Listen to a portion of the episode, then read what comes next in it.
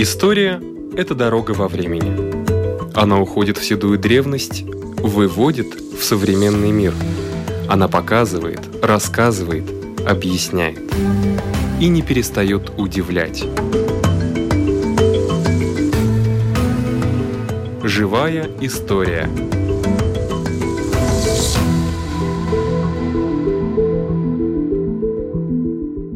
У микрофона Лидия Чера.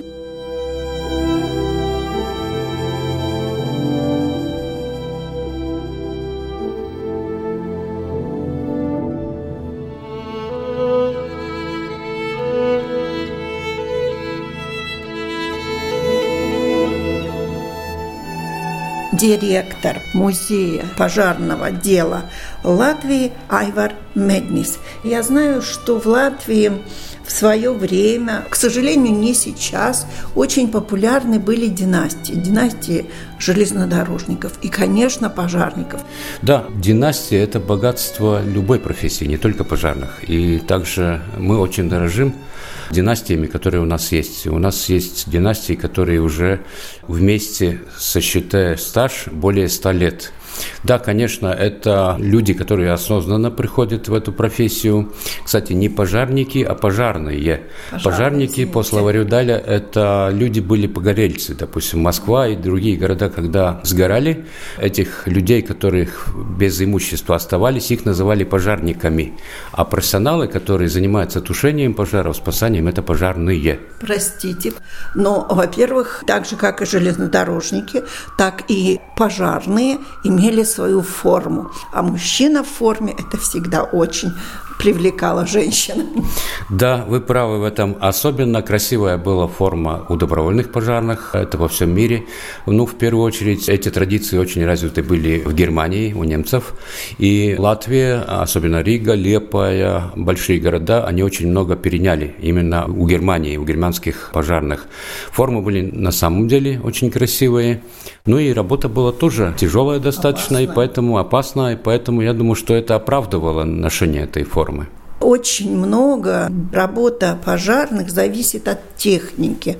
Рига была хорошо оснащена технически. Если вы сказали, что династия существует сто лет, то пожарная служба, по крайней мере, сто лет уже в Латвии существует. Да, уже больше, чем сто лет. Мы считаем официальную историю пожарной охраны с 1865 года. Но если взять на самом деле, то пожарная охрана существует, по крайней мере, в письменных источниках 2000 лет до нашей эры. В Древнем Риме уже были профессиональные пожарные, полицейские и так далее, которые этим занимались. Поэтому эта профессия достаточно старая, опытная и так далее.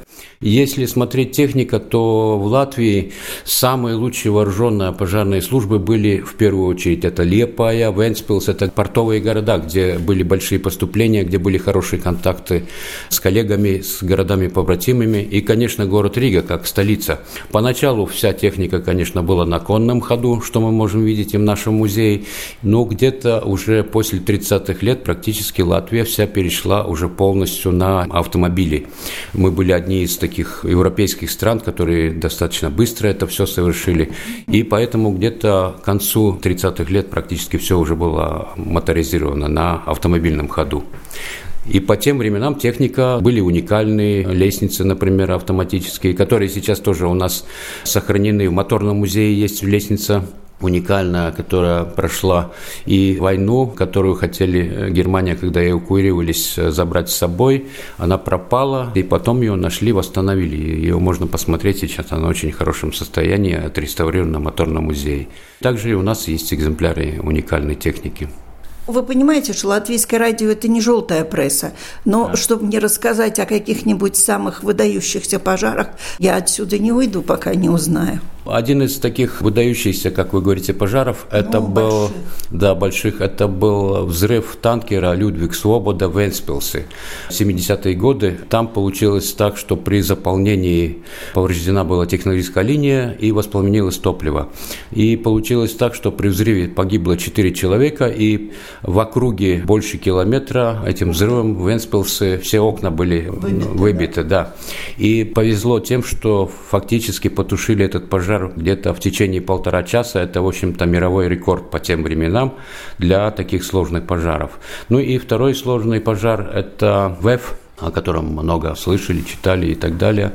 Значит, это был самый крупнейший пожар в тот год в Советском Союзе, и очень большие площади сгорели. 87 год, это было воскресенье, пожар где-то в 11 часов дня, и практически сутки тушили. Все ресурсы, которые были возможны, были задействованы, вся рижская пожарная охрана.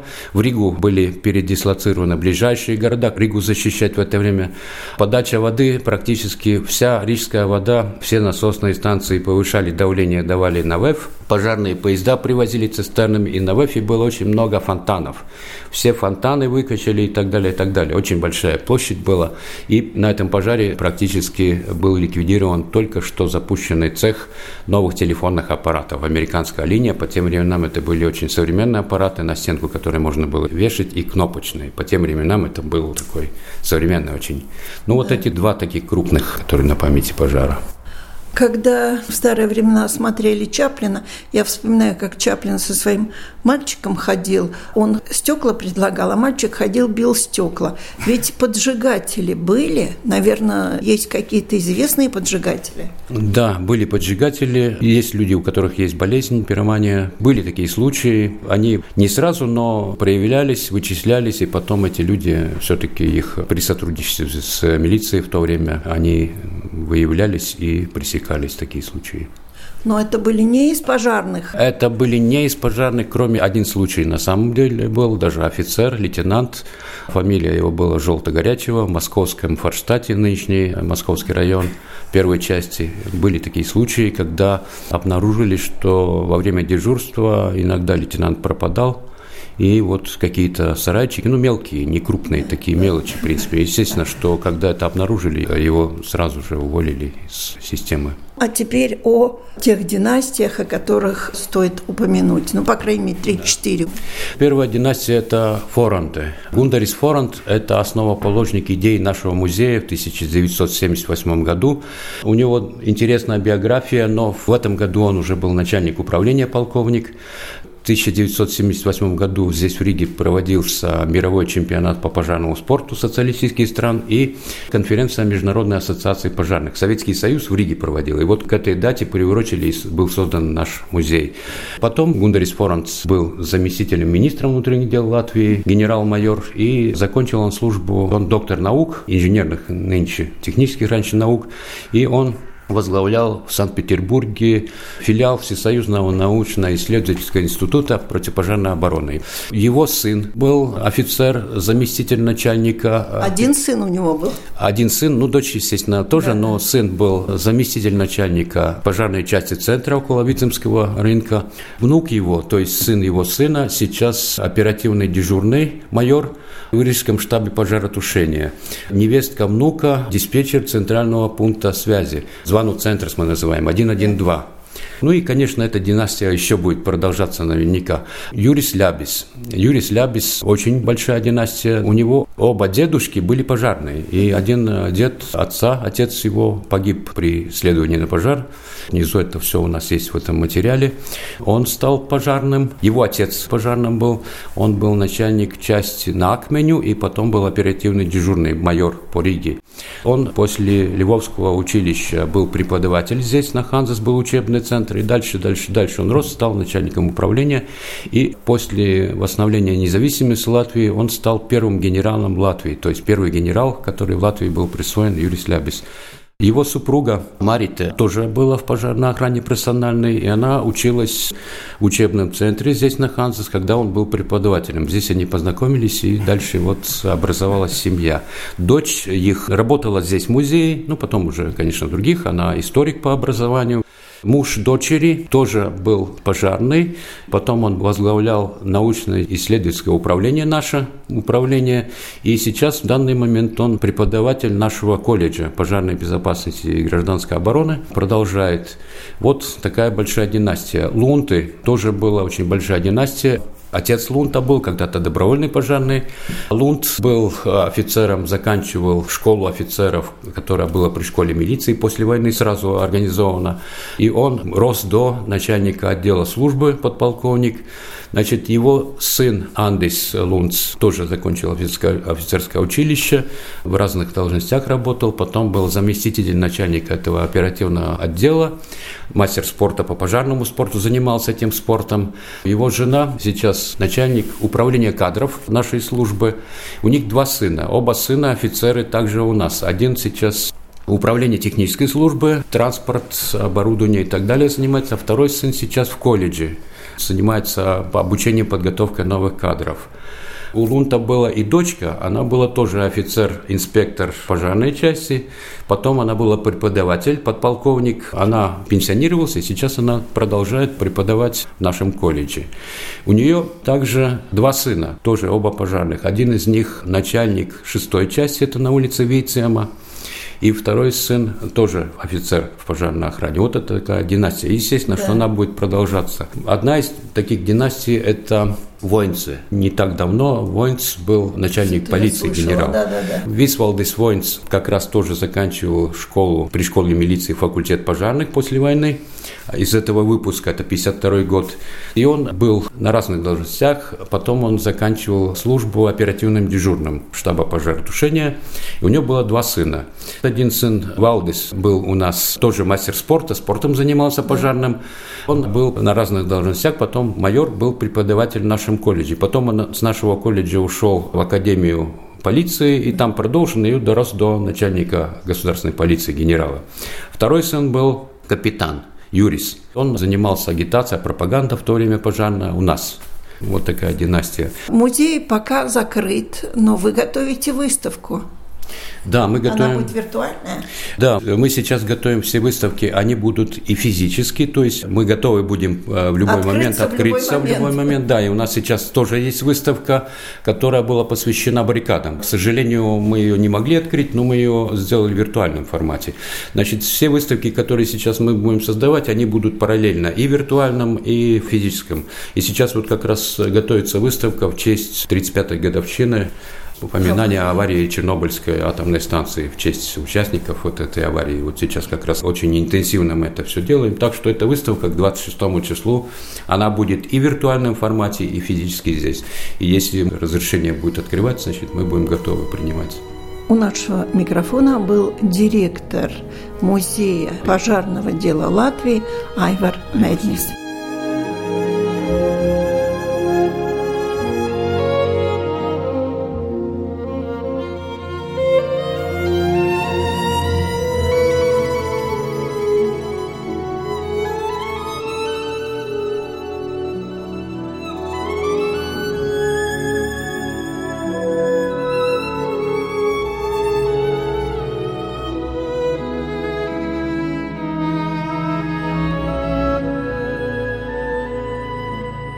Благодаря историку Мартиншу Минтаушсу, я надеюсь, мы узнаем еще одного человека, фамилию которого мы навряд ли слышали очень часто. Йохан Штейнхауэр. Да. Кто это за человек и какую память он оставил в истории Латвии? Эта личность весьма интересная, потому что Йохан Штейнхауэр или Штейнгауэр, по-разному его называют, да. это, конечно, на первый момент, как имя, так и фамилия весьма немецкая. Но дело в том, что Йохан Штейнхауэр или Ян Штейнхауэр, как его в латышской историографии называют, это человек середины XVIII века. Он родился в 1704 году и прожил 75 лет до 1779 года. И он остался в рижской истории, также в истории Латвии и в истории Балтийского края, как один из первых примеров экономической и политической борьбы, которая происходила в XVIII веке на территории Риги и на территории Лифленской губернии. Дело в том, что Штейнхауэр стал одним из первых известных в истории латышей, латышских предпринимателей, который но осмелился тогда в XVIII веке как бы пойти против течения и судиться с рижским магистратом, с рижским городским самоуправлением на счет того, какие экономические права предоставляются или наоборот воспрещаются Э, латышскому населению, которое проживало тогда в XVIII веке в Риге. Извините, но он себя считал латышом?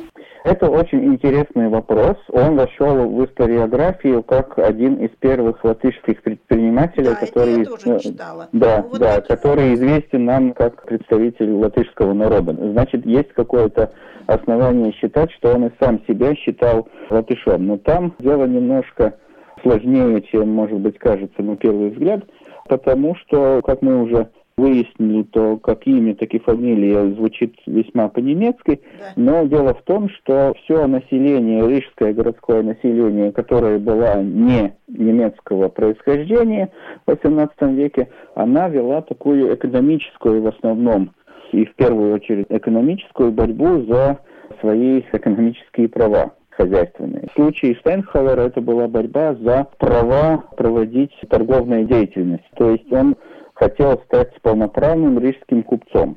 Да. Это ему воспрещалось именно потому, что он был не немецкого, то есть латышского происхождения.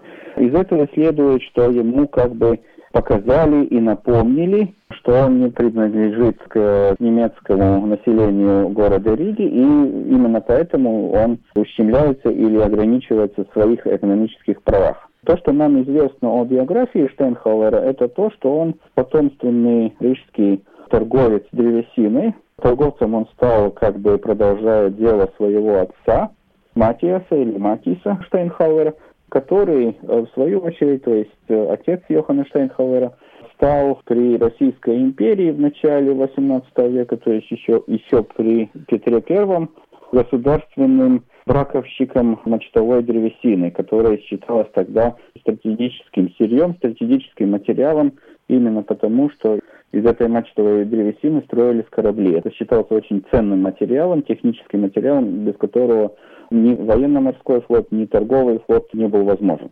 И Йохан Штейнхауэр тоже продолжал дело своего отца, начиная уже с 30-х годов XVIII века. И еще одна такая особенность в его биографии – это то, что он представлял общину так называемых моравских братьев. Это такая протестантское религиозное движение, которое появилось у нас в э, первой половине XVIII века в Риге, в окрестностях Риги и в Лифлянской губернии. И это еще одно косвенное доказательство тому, что Штейнхауэр сам себя ассоциировал с латышским населением, потому что это движение было, ну, можно сказать, этнически исключительно латышское. Оно начиналось э, благодаря э, выходцам из современной Чехии, из Моравского края, потому их называли моравскими братьями. И эти моравские братья, которые были ну, выходцы из Чехии, из юга Восточной Германии, из провинции Саксония, они попали к нам в, в Латвию современную, тогда в Лифленскую губернию в основном. Они попали к нам как э, такие путешествующие ремесленники. Потом они в течение времени постепенно обосновались здесь, в Видземе, в Лифлянской губернии и в окрестностях Риги, и, в принципе, они создали это латышское по национальному составу религиозное движение протестантов, в котором роде оппозиционное по отношению к официальной лютеранской церкви. Потому что официальная лютеранская церковь у нас тогда, в принципе, еще до конца Первой мировой войны там преобладали немецкие пастыри, и была верхушка лютеранской церкви в Латвии была немецкая. Это создавало некоторые такие трения между общинами. И то, что Штейнхауэр активно покровительствовал моравским братьям, которые были, в свою очередь, некоторое время в XVIII веке даже запрещены на территории Российской империи, потому что их считали заграничной организацией, которая представляет угрозу для социального покоя и социального строя даже Российской империи. И некоторое время, около 20 лет, они были запрещены. Но несмотря на все на это, Штейнхауэр тоже остался при этой общине, хотя он официально был лютеранина, но он покровительствовал этому движению моравских братьев. И еще одно намекание на то, что Штейнхауэр сам себя считал как бы принадлежащим к классическому населению, это такой проект Штейнхауэра, который он создал тоже в 50-е годы 18 века, когда он за свои деньги нанимал немецкого историка Маскова, которому он поручил собирать все документальные сведения о том, как появилось в Риге латышское население, как появилась латышская община в средневековой Риге и какими экономическими правами оно обладало в свое время, до XVIII века. Это была тоже часть этой экономической борьбы с рижским магистратом, и борьба эта кончилась ничьей, потому что этот немецкий историк Масков собрал эти документы, и по проекту Штейнхауэра было намечено, что эти документы, три тома, будут переданы императрице Екатерины II, Екатерине Великой, которая посещала Ригу в 1764 году. Но этот проект не получился в таком виде, как Штейнхауэр это задумал, то есть императрица этих документов не увидела, и мы их тоже не увидели, то есть в рижских архивах этих документов нет, они сегодня сохранились в публичной библиотеке Санкт-Петербурга имени Салтыкова-Щедрина. Там этот оригинал этих рукописных копий архивных документов хранится. В Риге есть свою очередь, в советское время сделанная такая фотокопия да. этого подлинника. Но ведь самое важное, что этот Штейнхауэр все-таки был предпринимателем, у него да. уже было очень много собственности. Вот что радует. Да, это, это действительно радует, это действительно интересно. Это тоже в некотором роде показывает ту систему которая существовала в Риге в XVIII веке, потому что как человек, который был лишен бюргерских прав или прав гражданина города Риги, Штейнхауэр мог э, свою недвижимость получить не в самом городе, который тогда считался э, старым городом. То, что мы сейчас называем Старой Рига, это был город Рига в принципе, сам по себе в XVIII веке, который еще как крепость стояла. А в окрестностях Риги, то есть в предместьях, это современный центр города Риги и та же Пардолгова. В этих районах можно было получить недвижимость и тем жителям Риги, которые не считались официально бюргерами, которые не были полноправными гражданами города Риги. И вот Штейнхауэр получил, окупил и создал несколько таких имений вокруг города Риги. В основном эти имения в Пардолгове. Это современной окрестности железнодорожного пункта железнодорожной станции Засулокс. Название это происходит уже от следующего собственника этого имения Зассенхоф. Хоф это имение э, на немецком языке, и Зас это была фамилия того помещика, который купил уже у потомков Штейнхауэра это имение. Сохранилось это название.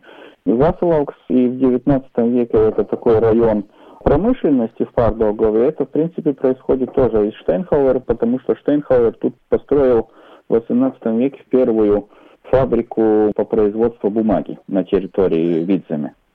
Это наиболее обширный такой индустриальный или промышленный объект, которым владел Штейнхауэр. И были также несколько других имений у Штейнхауэра. Были имения по побережью Двины, то есть современный район Волари, тоже сохранилось это название из 18 века в сторону Долгого И было еще такое маленькое имение в районе Кипсала, в районе нынешней национальной библиотеки, где как раз происходило это сортирование древесины, которое шло на мачтовые конструкции кораблей. И еще одно имение было в окрестностях Тягушкауна, и там как раз и, и обосновалась эта община маравских братьев, и оттуда, как считает историк, оттуда и появилась традиция в Риге, которая просуществовала до Первой мировой войны, тоже традиция латышской общины Риги справлять э, Иванов день или 23 июня. Это тоже происходит из Штайнхауэра, который покровительством этому событию. Потому Праздник, что там, да. да, несмотря на то, что он был убежденным э, христианином и, и представителем этой общины маравских братьев, но он очень хорошо понимал, что для народного населения это важно, что можно справлять такой общий праздник, и получилась эта традиция, и, в принципе, тоже с 18 века мы знаем, что это справлялось. И об этом пишут также и те историки Риги, например, э, Йохан Кристоф Бродце, который тоже жил в конце 18 века и в начале 19 века в Риге, он тоже об этом пишет, что это происходит, эта традиция от Штейнхауэра. Да. В рисунках э, Бродце тоже сохранилось несколько свидетельств о том, как выглядели эти имения Штайнхауэра, как выглядела эта первая бумажная фабрика, несколько ветряных мельниц, которые там вокруг стояли и так далее. Это ландшафт рижский с конца XVIII века. А дети Йохана Штейнхауэра не продолжили его дело? Детей у него было много. Э, а шесть а жена детей. у него была латышка? Или... Да, насколько известно, жена была у него латышка, и у него был еще младший брат Даниэль Штейнхауэр, который был на 16 лет моложе Йохана Штейнхауэра.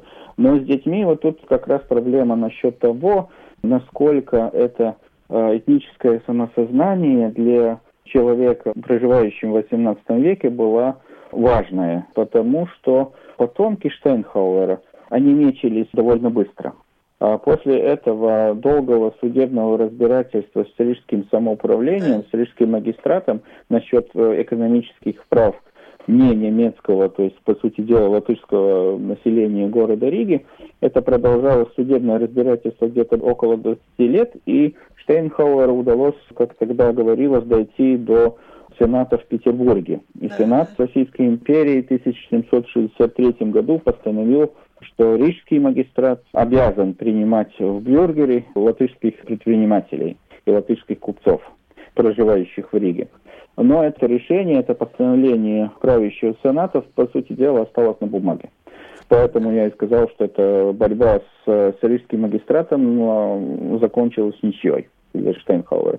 И после уже кончины самого Штейнхауэра в 1979 году, несколько лет спустя, в 1783 году, на 16 лет наступает так называемый период наместничества Риги и Лифлянской губернии, то есть прямого правления из центральной власти из Петербурга, когда разные постановления и указы, изданные или императрицей Екатерины II или какими-то чиновниками центральной власти в Петербурге, они имеют высшую юридическую силу над местной э, прибалтийской автономией. Это период такой 1783 по 1797 год, то есть около 15 лет. А потомки Штейнхауэра вошли уже в эту немецкую общину в Риге, и, например, есть такой историк XIX века из прибалтийских немцев Карл Эдуард Наперский с польской фамилией. Карл Эдуард Наперский, который является прямым потомком Штейнхауэра, но он себя не связывал с латышской общиной и с этими стремлениями новолатышей, которые появились уже в середине XIX века. Он был в оппозиции этому латышскому национальному движению. Но, несмотря на это, Штейнхауэр остался в истории Риги как такой интересный эпизод, как очень раннее проявление как экономической деятельности, согласно той конъюнктуре экономической, которая существовала в XVIII веке, и как одно из первых явлений, когда эти экономические права связываются уже с этническими, национальными. Национальностью и с религиозностью. Да. И с религиозностью, да. Жаль, но потомки Штейнхауэра ассимилировались с немцами. Да, и потом переезжали тоже в, в Германию. Еще один такой эпизод, который тоже связан с, с религиозным убеждением Штейнхауэра, это то, что он, будучи уже в кругу очень богатых рижских купцов, он сумел купить земельной участок в Соединенных Штатах, то есть в Северной Каролине, штате, который этот земельной участок он э, передал тоже представителям этого маравского братства, потому что, по сути дела, маравские братья – это такая действительно международная организация. Это одна из причин, почему их побоялись и их запретили в XVIII веке в Российской империи, потому что это действительно международная организация и что-то наподобие католического ордена иезуитов, который тоже действовал и в Америке, и в Латинской Америке, и в азиатском континенте, и в Китае и так далее, и так далее. Маратские братья это что-то похожее, но с протестантским уклоном, с протестантским пониманием Святого Писания. И вот Штайнхауэр дошел до Америки, можно сказать, в некотором роде, потому что он действительно сумел купить этот земельной участок и передал их своим братьям по религии. У нашего микрофона был историк Мартинч Мейнтаурс. На этом наша программа заканчивается. Всего вам доброго.